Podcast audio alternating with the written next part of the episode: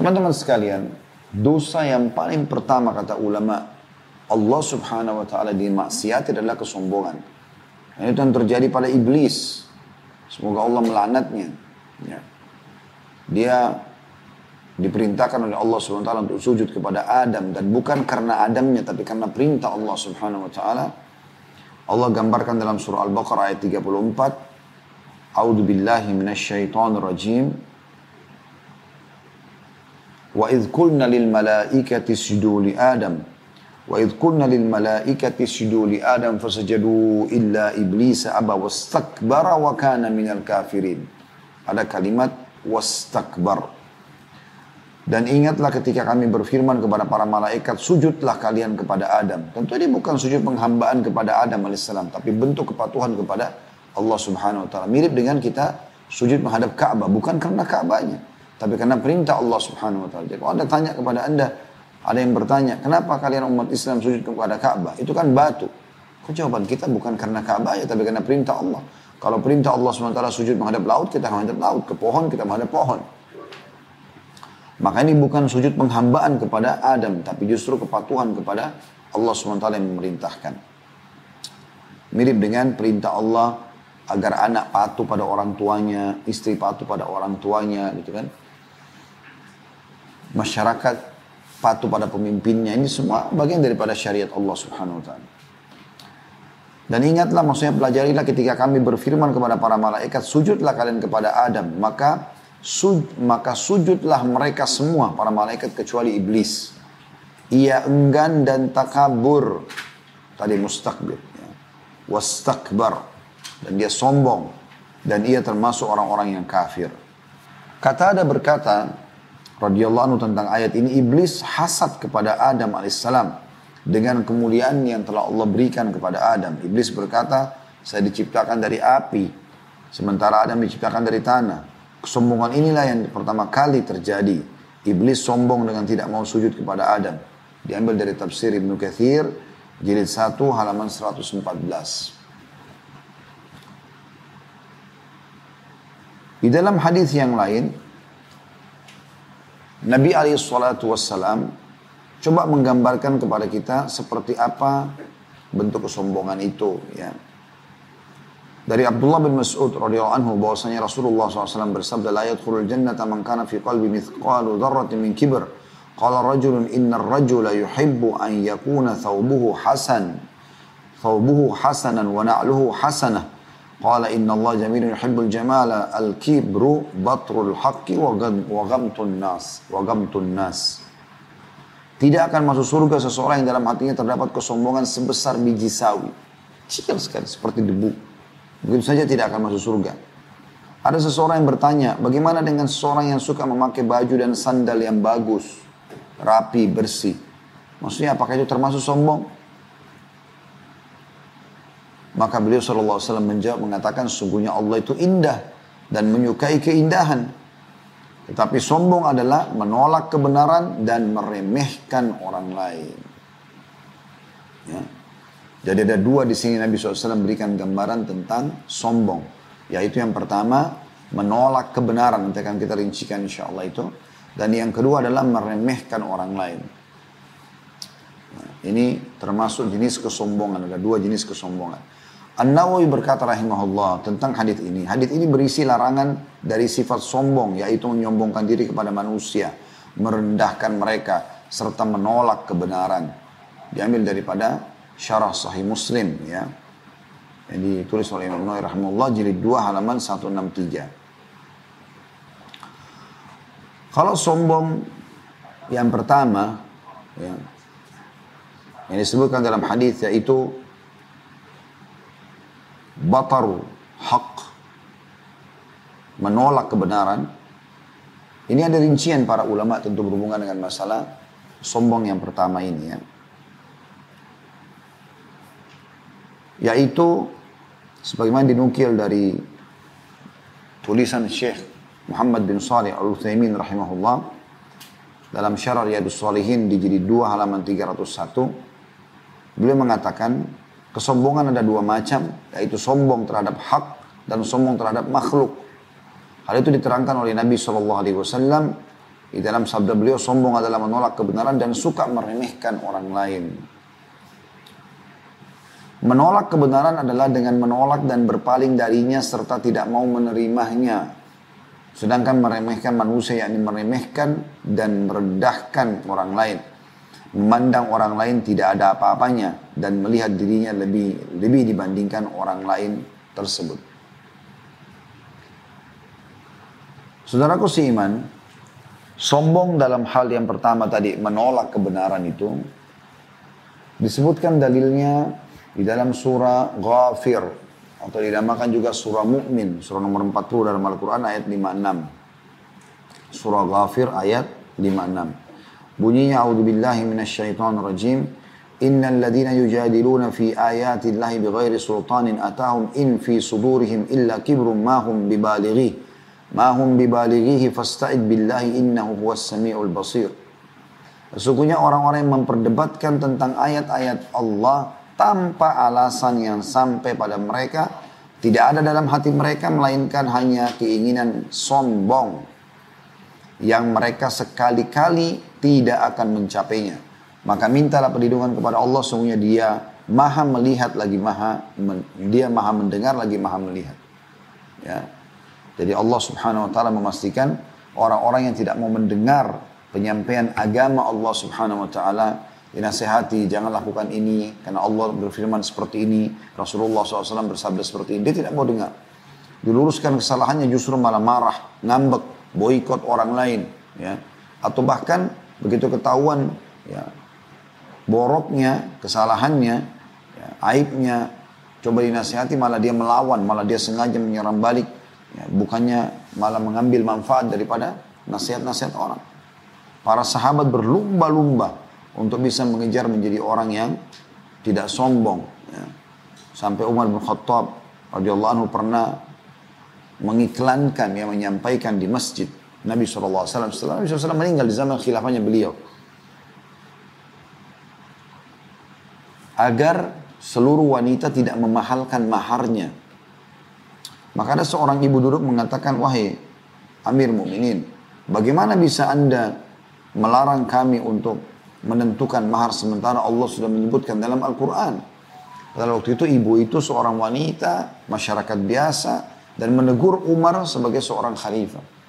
Apalagi posisi Umar bin Khattab, banyak orang di antara kita subhanallah baru menuntut ilmu berapa tahun. Belum ada ilmunya gitu, sudah sombongnya luar biasa. Gitu. Seakan-akan sudah tidak bisa diingatkan lagi. Dia yang paling benar. Ini tidak ada ciri ilmu syar'i pada dirinya. Ya. Menurut ilmu yang benar adalah orang yang merendah. Orang yang justru menerima kebenaran. Walaupun dari anak kecil. Selama itu kebenaran. Apa kata Umar bin Khattab kepada ibu tersebut? Bahkan didengar oleh orang-orang dan dinukil sampai sekarang siang, siang pun anda dengar dari saya. Kata Umar, semua orang lebih pintar daripada Umar. Maka Umar pun akhirnya menarik ya Tadinya mau diterapkan sebagai sebuah peraturan pemerintah pada saat itu, ditarik gara-gara perkataan seorang ibu seperti ini. Dan beliau pernah berkata dalam statement yang lain, Aku akan selalu bersyukur dan berterima kasih seumur hidup kepada seseorang yang mengingatkan satu kesalahan. Umar malah menunggu siapa yang mengingatkan kesalahannya. Karena dengan kita diingatkan pada saat ini, kita akan jadi lebih baik ke depannya. Daripada kita tidak diingatkan sama sekali, apalagi kita tidak menerima, maka bagaimana ke depannya? Kan gitu.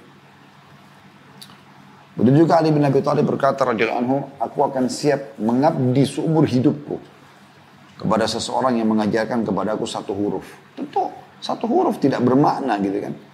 Satu kata pun mungkin belum tentu bisa punya makna yang dalam. Tapi Ali bin radhiyallahu anhu ingin menuntut ini menitik beratkan bahwasanya orang perlu menerima masukan dan jangan sampai sombong. Sampai-sampai beliau mengatakan saya akan siap mengabdi seumur hidupku pada seseorang yang mengajarkan kepadaku satu huruf. Bagaimana orang yang mengajarkan sebuah hadis, sebuah ayat, hukum syar'i, kita jadi berubah jadi lebih baik dan seterusnya. Begitu juga teman-teman sekalian, Syekh Nasir As-Sa'di rahimahullah dalam tafsir beliau atau tepatnya dalam buku Bahjatul Qulubil Abrar ya. Halaman 194 195 beliau mengatakan maka wajib bagi para penuntut ilmu untuk memiliki tekad yang kuat mendahulukan perkataan Rasulullah SAW di atas perkataan siapa pun. Karena pokok kebenaran adalah kembali kepadanya dan pondasi kebenaran dibangun di atasnya, yakni dengan petunjuk Nabi SAW. Kita berusaha untuk mengetahui maksudnya dan mengikutinya secara lahir dan batin. Ya, atau secara batin dan lahir. Maksudnya jangan sampai sombong kalau disampaikan kepadamu. Ya, apa pun yang berhubungan dengan ajaran Nabi SAW. Karena syariat semua dari beliau. Ada orang begitu subhanallah diingatkan malah sombongnya luar biasa. Bahkan saya pernah menemui ada orang penuntut ilmu. Ya, sampai mengatakan kepada orang-orang sejawat dengan dia kan. Udahlah nggak usah ngomong begitu sama saya, saya sudah faham. Ya. Jangan bicara begitu sama saya, saya lebih tahu daripada kamu.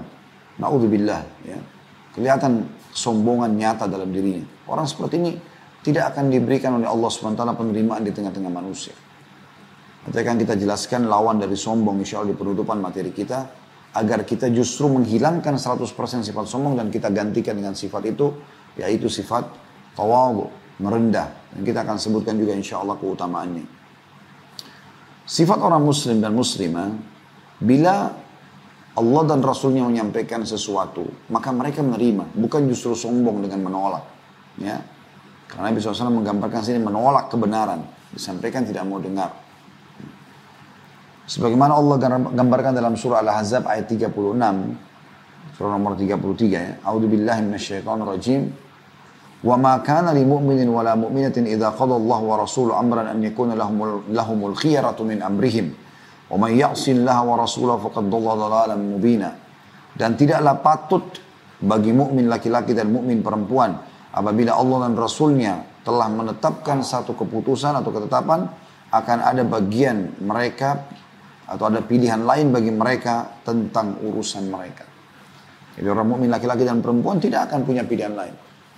Walaupun mereka tidak faham. Ya, saya berapa kali subhanallah mendapatkan ada sebuah tema yang saya eh, fahami selama ini. Saya dengar dari teman-teman, saya nukil dari beberapa guru gitu kan. Berjalan waktu saya sempat sampaikan dalam ceramah ternyata oh ada kekeliruan di situ. Saya tidak pernah merasa oh ini orang menyerang saya enggak. Saya menganggap itu adalah sebuah pemasukan yang sangat positif. Malah lebih baik saya sudah diingatkan oleh Allah SWT di dunia sebelum di akhirat. Kita bisa perbaikin. Dan itu harus menjadi ciri kita sebagai seorang muslim dan muslim. Menerima masukan kalau emang itu keliru gitu kan. Atau mungkin ada dalil yang lebih kuat. Saya pernah tanyakan itu kepada guru kami Syekh Salih Suhaimi. Saya mengatakan ada beberapa uh, materi yang saya sampaikan. Tema. Selama ini saya yakini sebuah kebenaran. Ya, karena saya betul-betul yakin saya pelajari gitu kan. Ternyata berjalan waktu itu pendapat yang marjuh. Bukan pendapat yang didahulukan. Pendapat yang rajah gitu kan.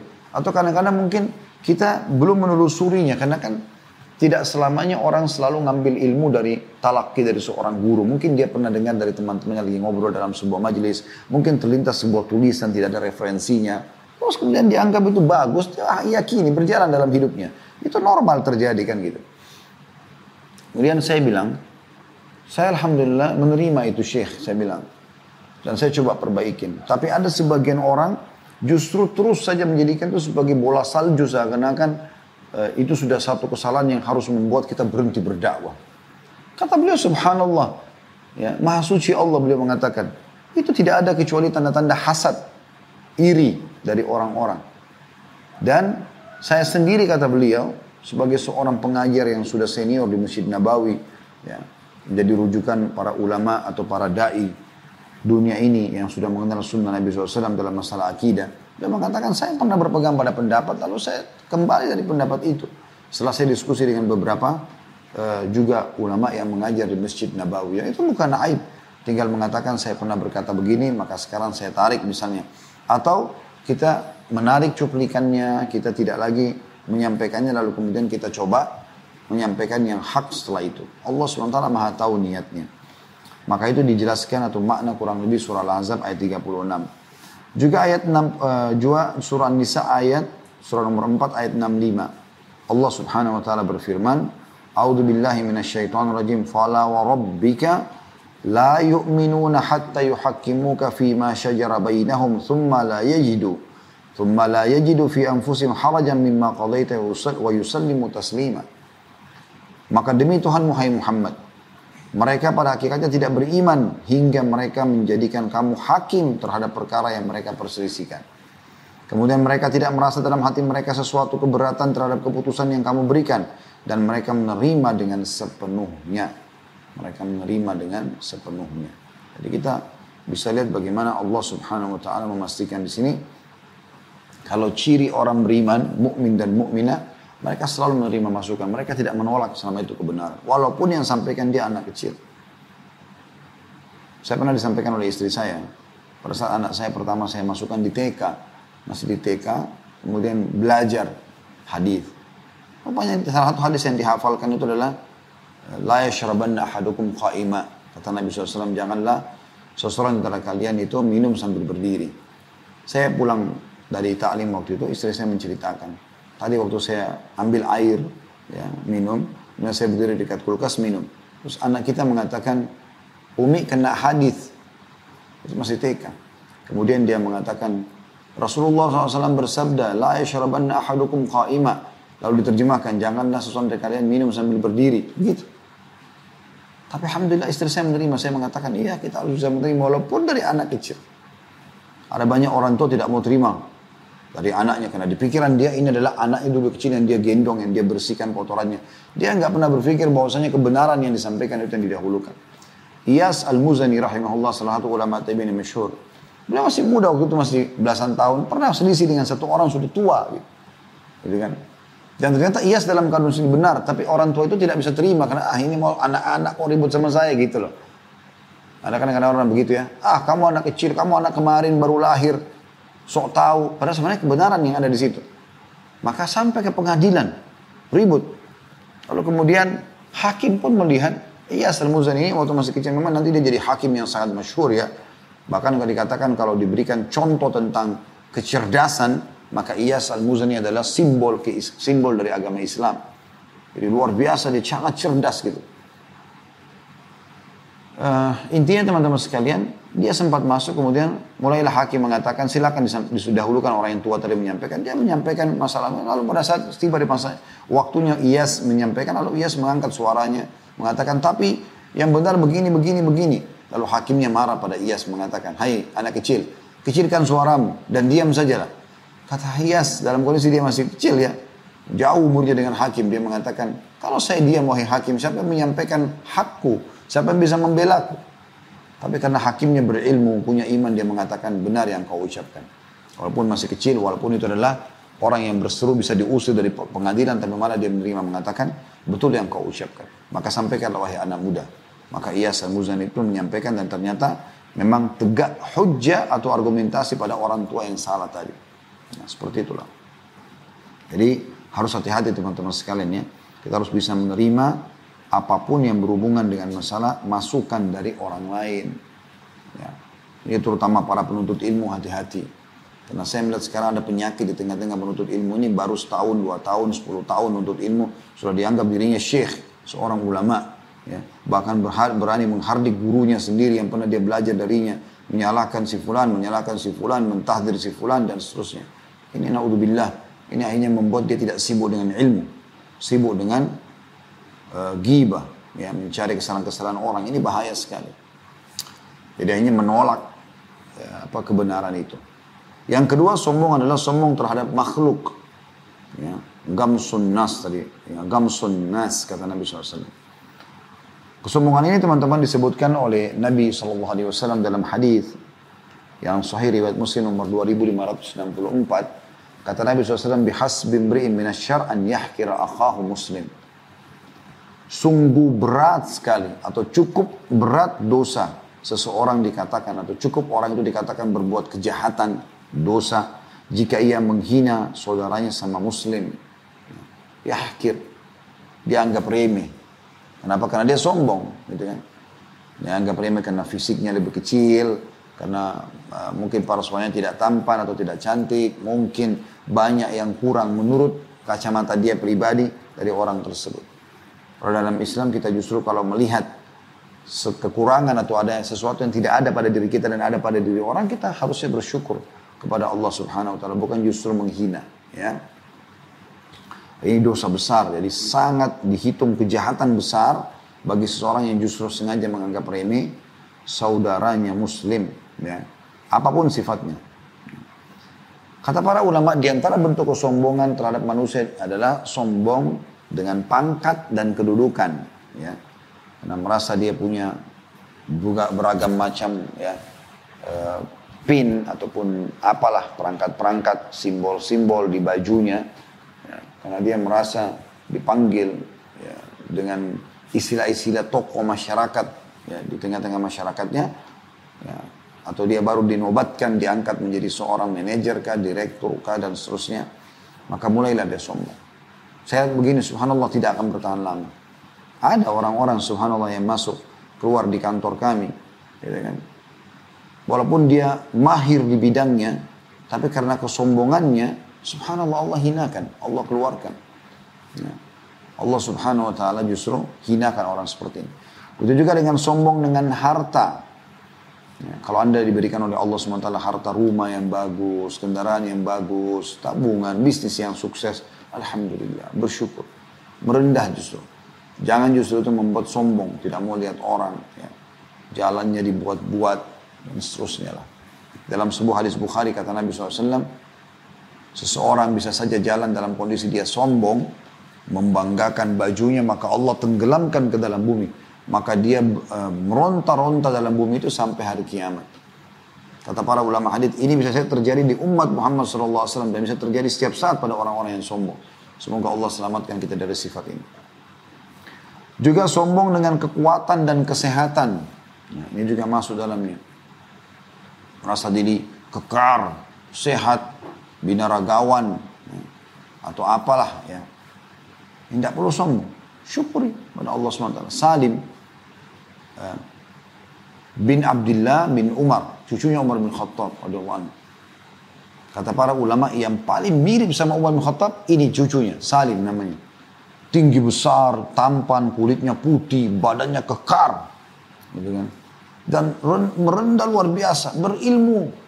Ya. Pernah satu kali di musim haji, karena orang pakai baju ihram, laki-laki kan terbuka bajunya.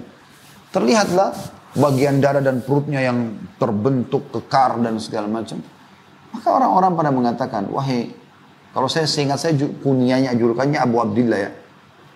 Atau kita sebut saya namanya Salim. Dia kata, wahai Salim, apa yang anda makan sampai badan anda sekekar ini? Dia mengatakan, saya makan apa yang Allah mudahkan. Tapi yang paling sering saya makan adalah roti sama minyak. Maksudnya itu makanan paling sederhana zaman dulu. Kalau orang miskin sekali, makanya roti kering disimpan berhari-hari roti gandum sampai mengeras seperti batu. Kalau mau dilembutkan dicelupin di minyak zaitun supaya bisa lembut sedikit baru makan. Dan itu rasanya gitu kan. Ya rasanya tidak pas, kurang pas lah, tapi cukup. Ya. Beliau mengatakan saya. Merendah malah. Malah merendah. Beliau tidak sama sekali sombong. Kalau kita sekarang subhanallah baru ikut fitness berapa hari, baru terbentuk sedikit, sudah pamer Apalagi sekarang pasang di medsos, tunjukkan otot-ototnya. Ya. Untuk apa ini? Anda butuh untuk sehat atau sombong gitu.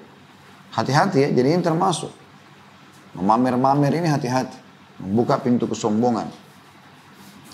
Begitu juga sombong dengan ilmu dan kecerdasan. Merasa lebih dari orang lain. Lebih cerdas. Tidak, saudara. Ya. Belum tentu orang yang dulu di majelis kita lebih pintar. Saya subhanallah pernah ada majelis di Jakarta. Kemudian ada satu orang masuk dalam majelis. Mukanya muka orang Arab orang ini. Tapi saya nggak pernah lihat dia di majelis karena teman-teman di depan ini saya biasa lihat gitu pada saat belajar. Setelah selesai, dia tidak bicara apa-apa dia duduk saya. Saya sempat tanya beberapa teman-teman yang belajar gitu. Siapa orang itu? Oh itu si Fulan. Ya. Beliau ternyata hafid Quran 30 juz dan dosen di Libya di Universitas Saudi yang ada di uh, Pejaten di Jakarta. Dan saya tahu betul beliau ini. Maksudnya setelah itu akhirnya saya punya persahabatan Alhamdulillah sampai hari ini. Saya tahu beliau seorang ahli ilmu. Tapi Masya Allah datang ke majelis kita duduk gitu. Saya sampai mengatakan, ya akhi, antum lebih layak untuk mengisi. Dia bilang tidak, saya mau belajar. Merendah. Ya, mereka belajar dalam majelis. Saya pernah duduk di majelis Syekh Atiyah rahimahullah salah satu ulama di Masjid Nabawi dan saya temukan di sebelah kami itu dosen-dosen kami yang mengajar di Madinah di kampus dosen duduk sama murid-muridnya sama mahasiswanya di majelis ulama padahal mereka itu sudah doktor Mereka sudah luar biasa, ya, jenjang pendidikan akademiknya sudah disampai pada level tertinggi lah. Tapi mereka tidak pernah merasa sombong. Mereka dulu di majelis ilmu, mereka masih bawa kertas, mereka masih menulis, gitu kan. Begitu kalau ilmu itu berbekas pada diri seseorang, nggak diikuti dengan kesombongan. Jadi kapan menganggap remeh orang, ah ini nggak paham, hati-hati, ya. Kemudian sombong juga dengan bentuk tubuh ya, dan kelebihan-kelebihan lainnya. Dia merasa lebih dibandingkan, merasa lebih dibandingkan orang lain dengan kelebihan-kelebihan tersebut. Padahal kalau kita renungi, siapa yang memberi harta, kecerdasan, pangkat, kesehatan, bentuk badan yang indah? Anda tanya. Tentu semua murni hanyalah nikmat dari Allah Ta'ala.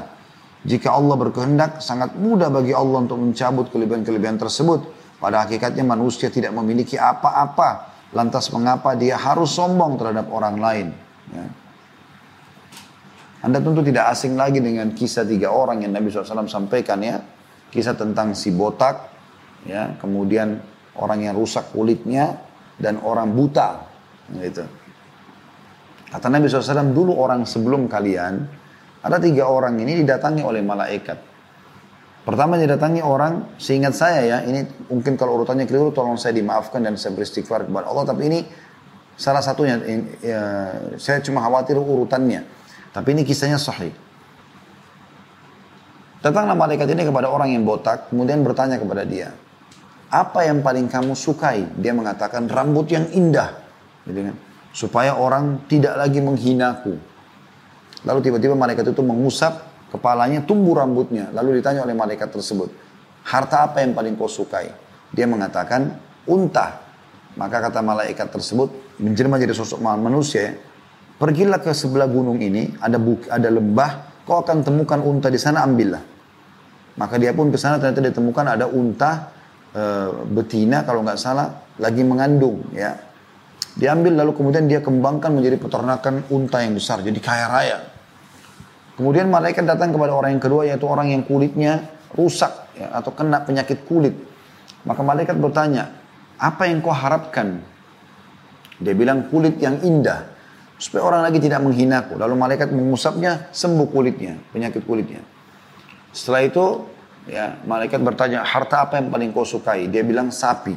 Kata malaikat pergilah ke belakang bukit itu, kau akan temukan sebuah lembah, di sana kau akan temukan sapi sapi. Maka dia datang ke sana ditemukan sapi. Kalau nggak salah juga sama tadi ya lagi mengandung sapi itu atau sapi lah intinya.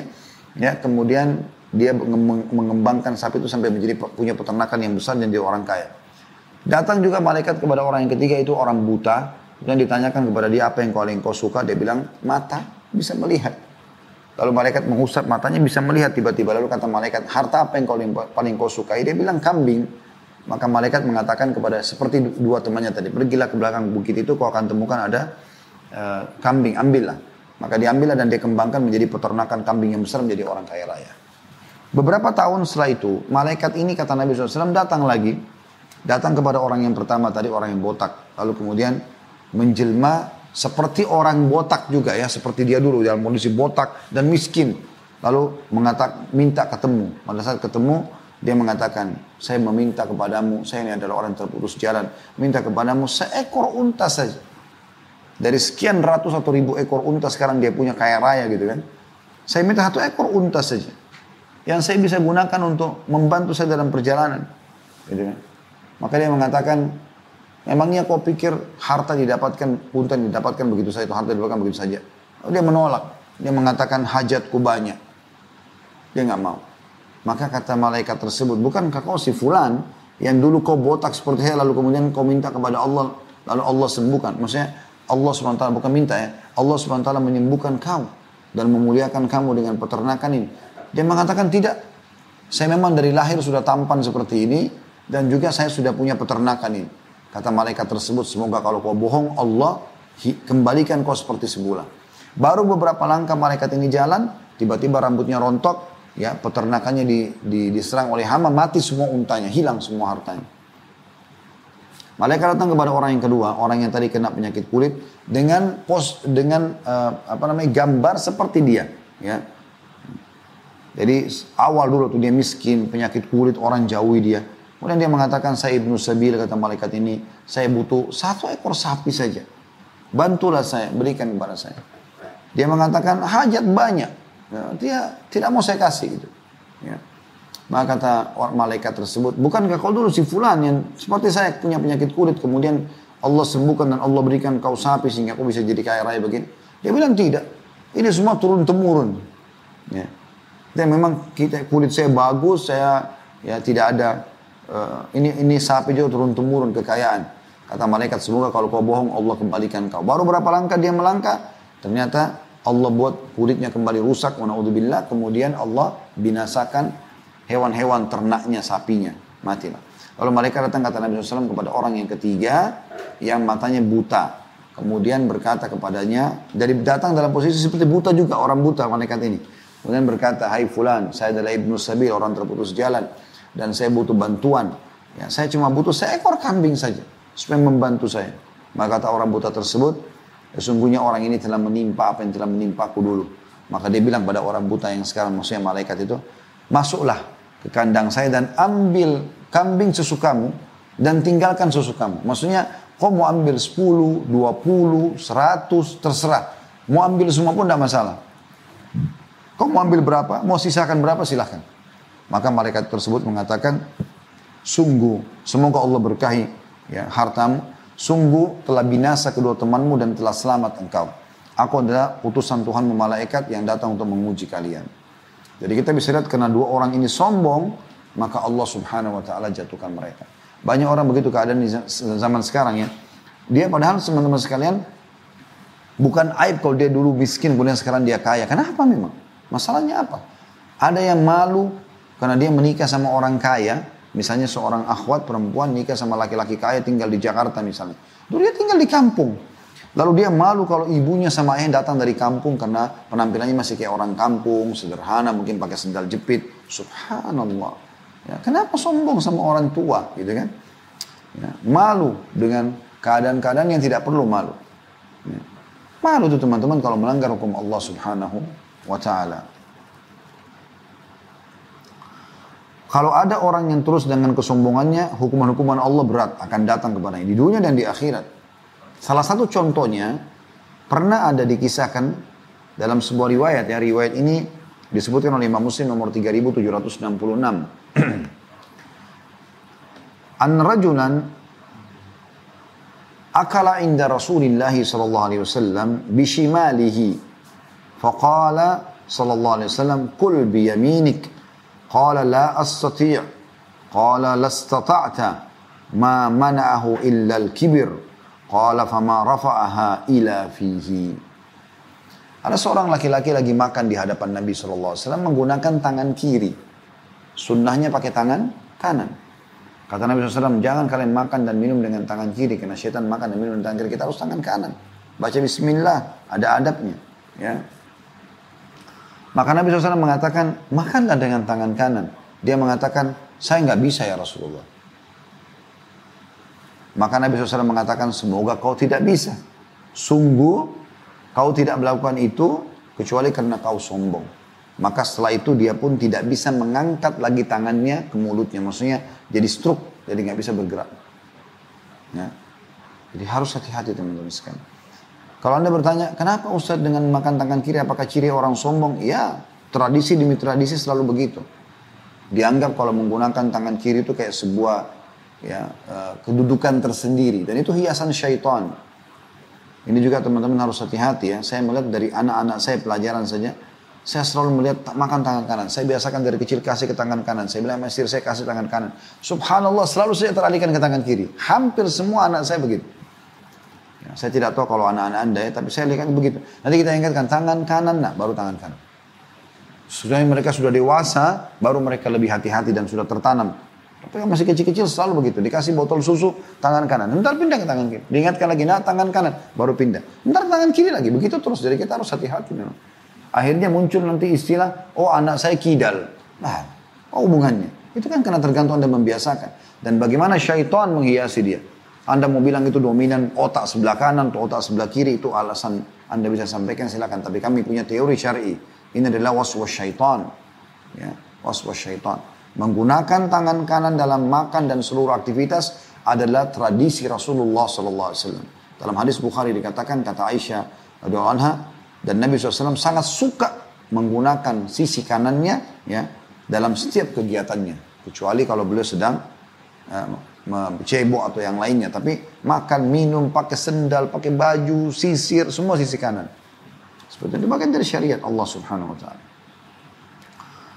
Sebagai gantinya teman-teman sekalian supaya kita tidak sombong kita tawadhu merendah. Tapi saya ingin berikan gambaran dulu. Tawadhu ini teman-teman bukan menghinakan diri. Karena ada sebagian orang juga menganggap tawadhu itu merendahkan diri. Sehingga selalu saja merasa hina di depan orang. Dah, bukan itu. Ya. Tawadhu itu pernah ditanya kepada Imam Hasan Basri rahimahullah. Dalam satu majelis di kota Basra, ada satu tradisi yang menarik sebenarnya. Semoga juga para ulama kita bisa melakukan itu ya. Jadi para ulama-ulama dulu punya tradisi sepekan sekali mereka duduk pindah rumah dari satu rumah ke rumah yang lain. Tapi khusus untuk ulama-ulama tidak dihadiri oleh orang awam. Mereka saling mendiskusikan masalah ilmu, masalah pertanyaan yang dilemparkan di uh, dalam majelis mereka dan mereka masih bimbang dengan jawabannya supaya didiskusikan gitu kan. Dan kadang-kadang mereka membahas hal-hal yang mungkin dianggap remeh oleh orang-orang awam. Nah, kadang-kadang mereka sedang bahas tentang definisi, definisi. Ya. Yang kita temukan mereka, mereka memang sangat detail dalam definisi karena dengan memahami definisi sesuatu kita akan jadi tahu ya atau kita akan benar langkahnya ke depan.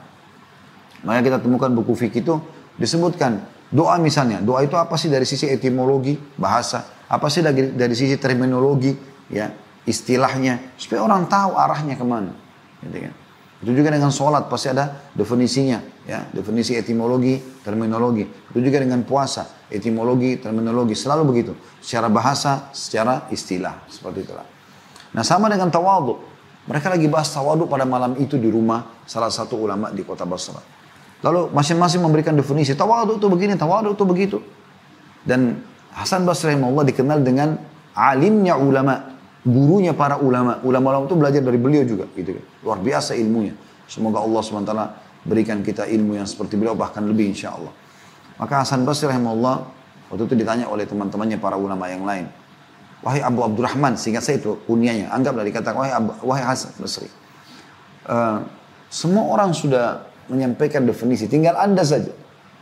Kami mau dengar dari anda. Maka semua mata tersorot kepada beliau. Lalu beliau mengatakan, Kalian sudah banyak menyampaikan definisi. Kalau kalian mau dengar dari saya, bagi saya tawadu adalah janganlah engkau melihat siapa pun di hadapanmu seorang muslim kecuali kau merasa atau menanamkan dalam dirimu dia lebih baik daripada kamu. Kalau dia lebih mudah, katakan dia lebih sedikit dosanya. Kalau dia lebih tua, berarti katakan dia lebih banyak amalnya. Itu kan luar biasa. Bagaimana kita bertawadu. Allah SWT menyebutkan atau memuji hamba-hambanya yang bertawadu ini dalam surah Al-Furqan ayat 63. A'udzu billahi minasyaitonir rajim wa ibadur rahmanil ladzina yamshuna 'alal ardi hauna wa idza khatabahumul jahiluna qalu salama. Dan hamba-hamba Tuhan yang Maha Pengasih, Allah SWT, Allah sayang sama mereka. Adalah orang-orang yang berjalan di atas bumi dengan rendah hati. Tawadu. Ya. Mendahulukan orang lain, iya gitu kan mendengarkan dulu ucapan orang sampai selesai baru menjawab iya gitu kan apalah ya menghormati orang yang lebih tua iya gitu-gitu menghormati para ulama ini semua tawadhu dan apabila orang jahil menyapa mereka dia ajak berkelahi bertengkar ribut dengan orang jahil nggak paham agama mereka mengucapkan kata-kata yang baik nah, sudahlah ya, kita tidak usah ribut tidak usah bertengkar selesai gitu.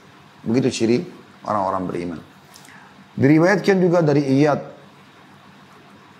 Ibn Himar radhiyallahu anhu beliau berkata bahwasanya Rasulullah SAW bersabda Wa inna Allah auha ilayya an tawadha'u hatta la yafkhara ahadun ala ahadin wa la yabghi ahadun ala ahad. Sesungguhnya kata Nabi SAW Allah mewahyukan kepadaku secara khusus turun wahyu untuk ini. Apa pesannya? Sesungguhnya Allah mewahyukan kepadaku agar kalian bersikap rendah hati, mengalah, ya, mendahulukan orang yang memang lebih layak didahulukan, hingga tidak seorang pun yang bangga atas yang lain, tidak seorang pun bangga terhadap orang yang lain, ya, menganggap remeh, dan juga tidak akan ada orang yang menganiaya orang lain. Karena awal munculnya penganiayaan, penghinaan justru karena masalah itu. Juga dalam hadis ini itu diriwayatkan Imam Muslim nomor 2865 ya. Dalam hadis yang lain ini hadis mulia sekali. Kalau anda tahu anda akan dapat ini. Itu hadis riwayat Muslim nomor 2588 ya. Sabda Nabi SAW, Ma naqasat sadaqatun min mal wa ma zadallahu abdan bi'afwin illa izza tawadha ahadun lillahi illa rafa'ahu Allah. Artinya sedekah yang dikeluarkan tiga pesan emas dalam hadis ini ya. Kata Nabi SAW sedekah itu tidak akan mengurangi harta. Lupakan itu konsep kapitalis. Kalau keluarin duit keluar uang itu konsep mereka. Mereka orang kafir jauh dari agama. Islam tidak. Keluarkan kau akan kaya. Pasti demi Allah itu benar. Ya. Jangan ragu dengan itu. Keluarkan. Makin banyak Anda keluarkan karena Allah SWT maka makin besar. Ini sudah kita bahas sampai dua kali pertemuan dalam dua pekan berturut-turut kemarin kita bahas tentang masalah setiap hari Senin tentang masalah sedekah. Sebelumnya juga ada tablik akbar tentang sedekah dan banyak materi kita bahas masalah sedekah. Kemudian yang kedua pesan Nabi SAW tidak ada orang yang memberi maaf kepada orang lain melainkan Allah akan menambah kemuliaan untuknya. Ini kadang-kadang orang hatinya suka diisi dengan dendam. Makanya banyak uban di kepalanya, banyak masalah. Karena selalu saja dendam. Susah memaafkan orang lain. Akhi dan ukhti. Ada sebuah kaidah penting dalam agama kita. Kalau seseorang berbuat zalim kepada kita, tugas kita awal, ya, maafkan. Tugas dia meminta maaf. Kalau kita sudah memaafkan tanpa kita bilang sama dia, antara kita sama Allah, kita dapat pahala. Tapi dia belum lepas dari hukuman Allah karena dia harus minta maaf. Teori syari'inya begitu. Kecuali anda datang ke depannya mengatakan kau sudah saya maafkan, maka selesai. Dia juga tidak akan dituntut. Gitu. Tapi kalau anda hanya menjalankan hukum syariat yaitu langsung memaafkan orang yang berbuat zalim, di situ pahalanya. Mirip dengan begitu datang musibah langsung anda bersabar. Datang nikmat anda bersyukur. Seperti itu. Ya. Justru di situ Allah tambah kemuliaan buat kita. Dan pesan yang ketiga ini saksi bahasan kita dan tidak ada yang tawadu merendah diri, mendahulukan orang lain, menghormati orang lain, ya, tidak sombong. Karena Allah dan tidak ada orang yang tawadu atau merendah diri karena Allah melainkan Allah akan mengangkat derajatnya. Allah akan muliakan dia. Sifat tawadu ini teman-teman sekalian mengangkat derajat hamba sangat tinggi. Ya. Dan itu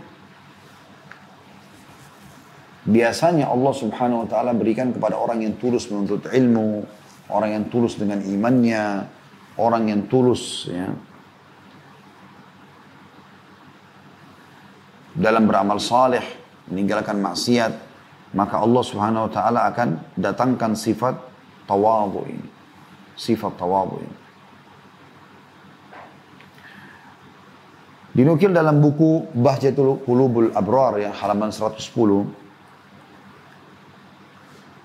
termasuk buah dari ilmu yang paling agung adalah tawadhu yaitu ketundukan secara total terhadap kebenaran. Kan tadi kalau sombong justru menolak kebenaran.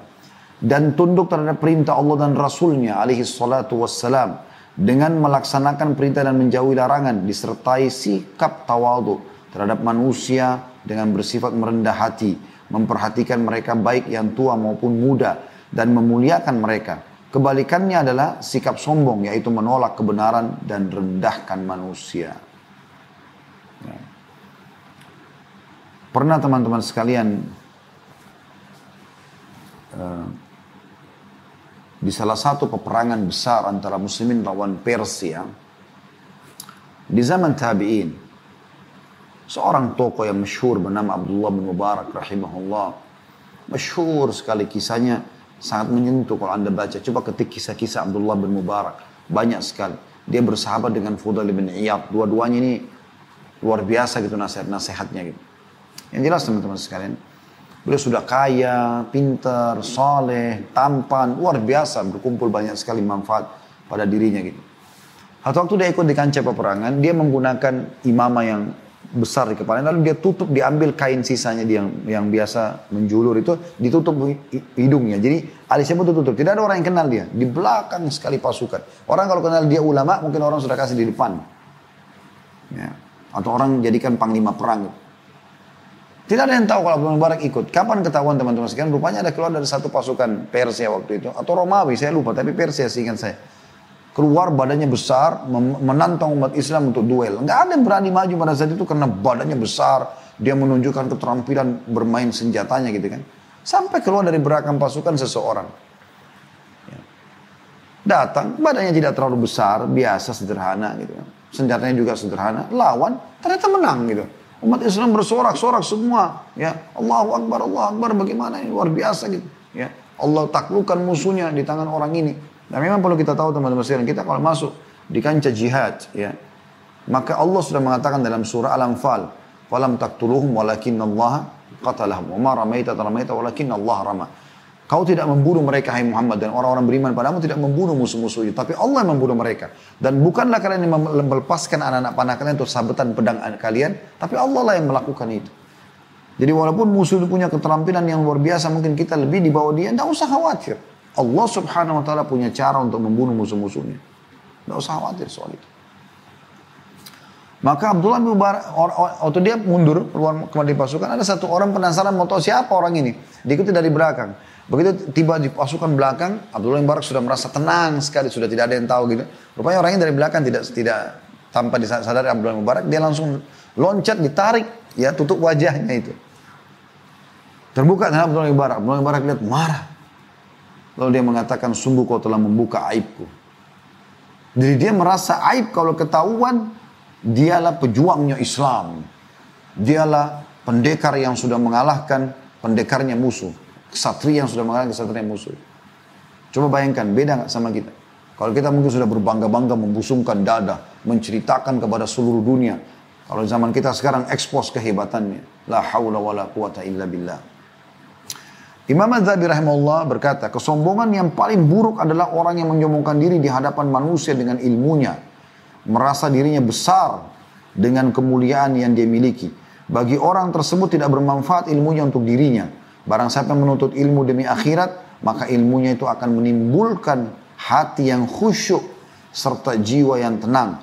Dia akan terus mengawasi dirinya dan tidak bosan untuk terus memperhatikannya. Bahkan setiap saat Eh, dia selalu introspeksi diri dan meluruskan kesalahannya. Apabila dia lalai dari hal itu, dia akan menyimpang dari jalan yang lurus dan akan binasa. Barang siapa menuntut ilmu untuk membanggakan diri dan meraih kedudukan, memandang remeh kaum muslimin yang lainnya, serta membodoh-bodohi dan merendahkan mereka, maka hal itu merupakan kesombongan yang paling besar.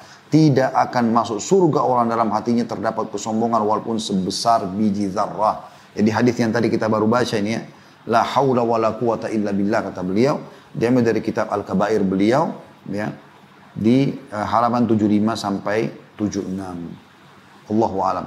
Dan ini bahasan kita teman-teman sekalian. Semoga Allah SWT selamatkan kita dari sifat kesombongan ini. Kita terus merendah ya. Bagaimana kita uh, apa namanya? Coba tawadhu, belajar dan belajar dan selalu minta kepada Allah Subhanahu wa taala agar uh, dijadikan sebagai hamba Allah yang tawadu. Merendah itu adalah sebuah kemuliaan. Yang merasa tidak punya apa-apa, itu bagus. Maka kita kalau misalnya tidak merasa ilmunya selalu masih kurang, kita selalu mau menuntut ilmu. Ya, kita masih kurang sedekahnya, kita selalu mau sedekah. Kita kurang apa, kita selalu akhirnya mau membuat yang lebih baik. Dan itu bagian daripada perintah agama.